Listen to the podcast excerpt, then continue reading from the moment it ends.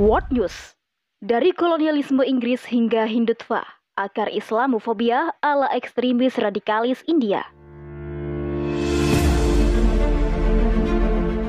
Nama India beberapa waktu terakhir cukup sering muncul mewarnai portal berita. Mulai dari masalah pembatasan ekspor komoditas berharga seperti gula, gandum, dan kisruh yang terus berlanjut di kawasan Kashmir hingga yang cukup masif adalah mengenai sikap reprensif dari kelompok Hindu ekstrim terhadap hak-hak umat Islam di beberapa wilayah di India. Publik sempat dihebohkan dengan aksi pelarangan pelajar muslimah berhijab untuk memasuki gedung sekolahnya di daerah Karnata. Hingga sekelompok muslimah yang dirundung oleh gerombolan ekstremis dengan disirami air. Tapi yang terbaru adalah mengenai cuitan kelompok nasionalis Hindu yang berniat membongkar Taj Mahal, salah satu bangunan warisan budaya Islam tersohor di tanah India yang juga diakui sebagai satu dari tujuh keajaiban dunia oleh UNESCO. Taj Mahal sendiri memang memiliki akar sejarah panjang yang mengungkap relasi Hindu dan Islam di India. Namun status Taj Mahal sebagai aset budaya dan peninggalan Islam sudah masyur dan dikuatkan oleh berbagai penelitian dari arkeolog hingga sejarawan. Taj Mahal secara literal berarti istana mahkota. Nama ini tentu memiliki sejarah yang tersendiri yang memang tidak bisa dilepas dari peradaban Islam yang pernah menguasai India. Adalah Shah Jahan, seorang penguasa dinasti Mughal pada abad ke-17 yang mengabadikan kecintaan pada sang istri. Ya, Mumtaz Mahal dalam bangunan megah yang dibuat oleh 20.000 pekerja dari berbagai wilayah saat itu. Dilansir dari laman resmi Taj Mahal yang dikelola oleh pemerintah India, Taj Mahal pun pada hakikatnya adalah makam yang didesain sedemikian indah dan megah untuk Mumtaz Mahal yang kala itu wafat mendahului Shah Jahan sang suami.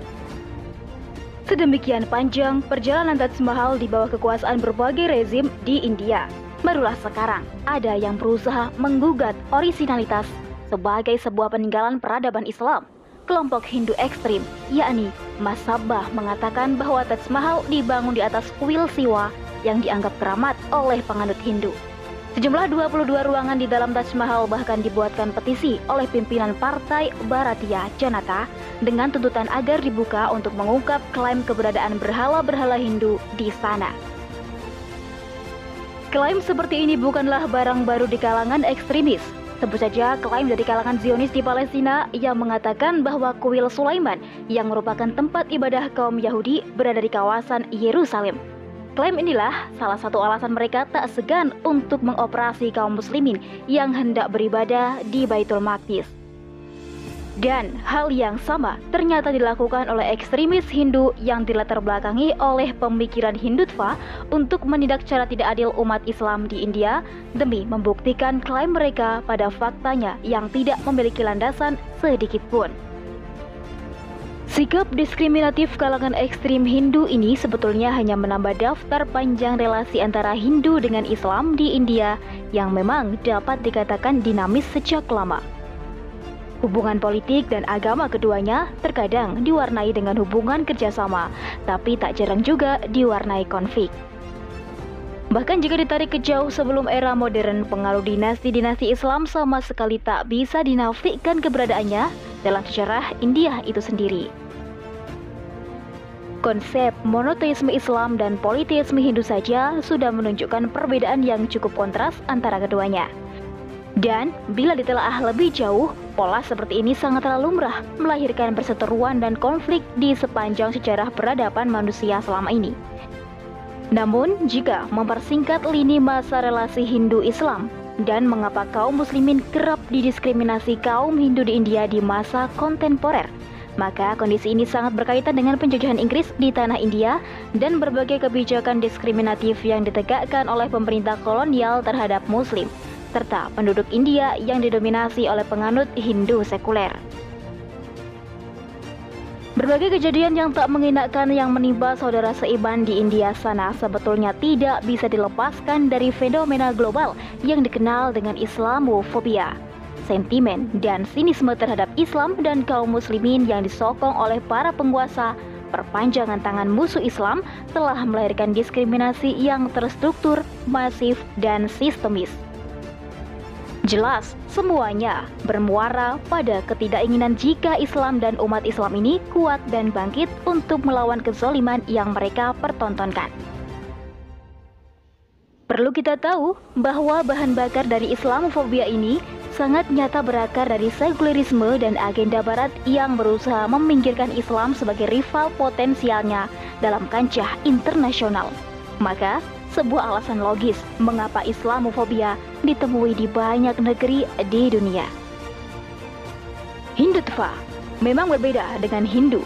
Hindutva sendiri merupakan sebuah paham yang menyuarakan supremasi Hindu dan ingin mengubah India menjadi sebuah Hindu nation atau bangsa Hindu.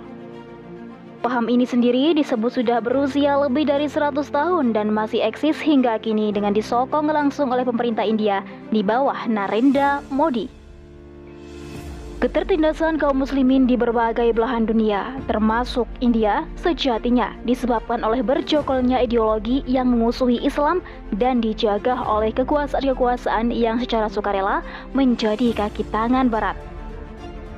Ya, sekulerisme yang termanifestasi dalam pemerintahan dan tidak meniscayakan sebuah negara berdiri berlandaskan agama adalah racun mematikan terhadap keberlangsungan hidup kaum muslimin keberhasilan sekulerisme juga telah menyebabkan umat Islam kehilangan negara penjaganya yang akan senantiasa melindungi darah dan kemuliaan dari penghinaan kaum kafir, yaitu negara khilafah Islamia. Kondisi ini haruslah disadari oleh umat Islam dan tidak boleh menganggap bahwa Islamofobia hanyalah bualan belaka. Perlawanan terhadap Islam dan kaum muslimin itu sangat nyata, yang sayangnya tertutupi oleh kedok berbagai agenda agar tidak terendus oleh indera umat ini.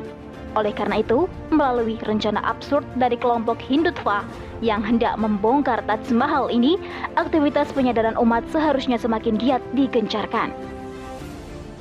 Tentu, aktivitas mulia ini sangat mungkin menemui batu dan duri di tengah perjalanannya, namun konsistensi dan keikhlasan yang berkolaborasi insya Allah akan mampu menguatkan para da'i-da'iyah dalam menyampaikan Islam yang seharusnya diketahui oleh publik.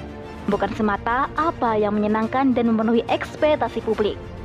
Perpecahan umat yang dieksploitasi oleh kekuatan-kekuatan kufur hari ini akhirnya menunjukkan dua hal penting kepada kita semua bahwa pemikiran merupakan hal esensial yang harus dijaga agar tidak temakan oleh pengaburan ide dari kaum kafir. Dan yang kedua, bahwa diskriminasi yang disponsori oleh kekuatan negara secara rasional hanya bisa dilawan oleh kekuatan negara pula. Dan Islam ternyata sudah memiliki formula lengkap dan jelas mengenai negara yang akan lantang membela hak-hak kaum muslimin. Hanya Tinggal kita saja yang mau mempelajarinya, memperjuangkannya, dan menerapkannya. Wallahu a'lam. Saya Dewi Fitriana melaporkan dari naskah Iranti Mantasari BAIR MSI. Sekian dan wassalamualaikum warahmatullahi wabarakatuh.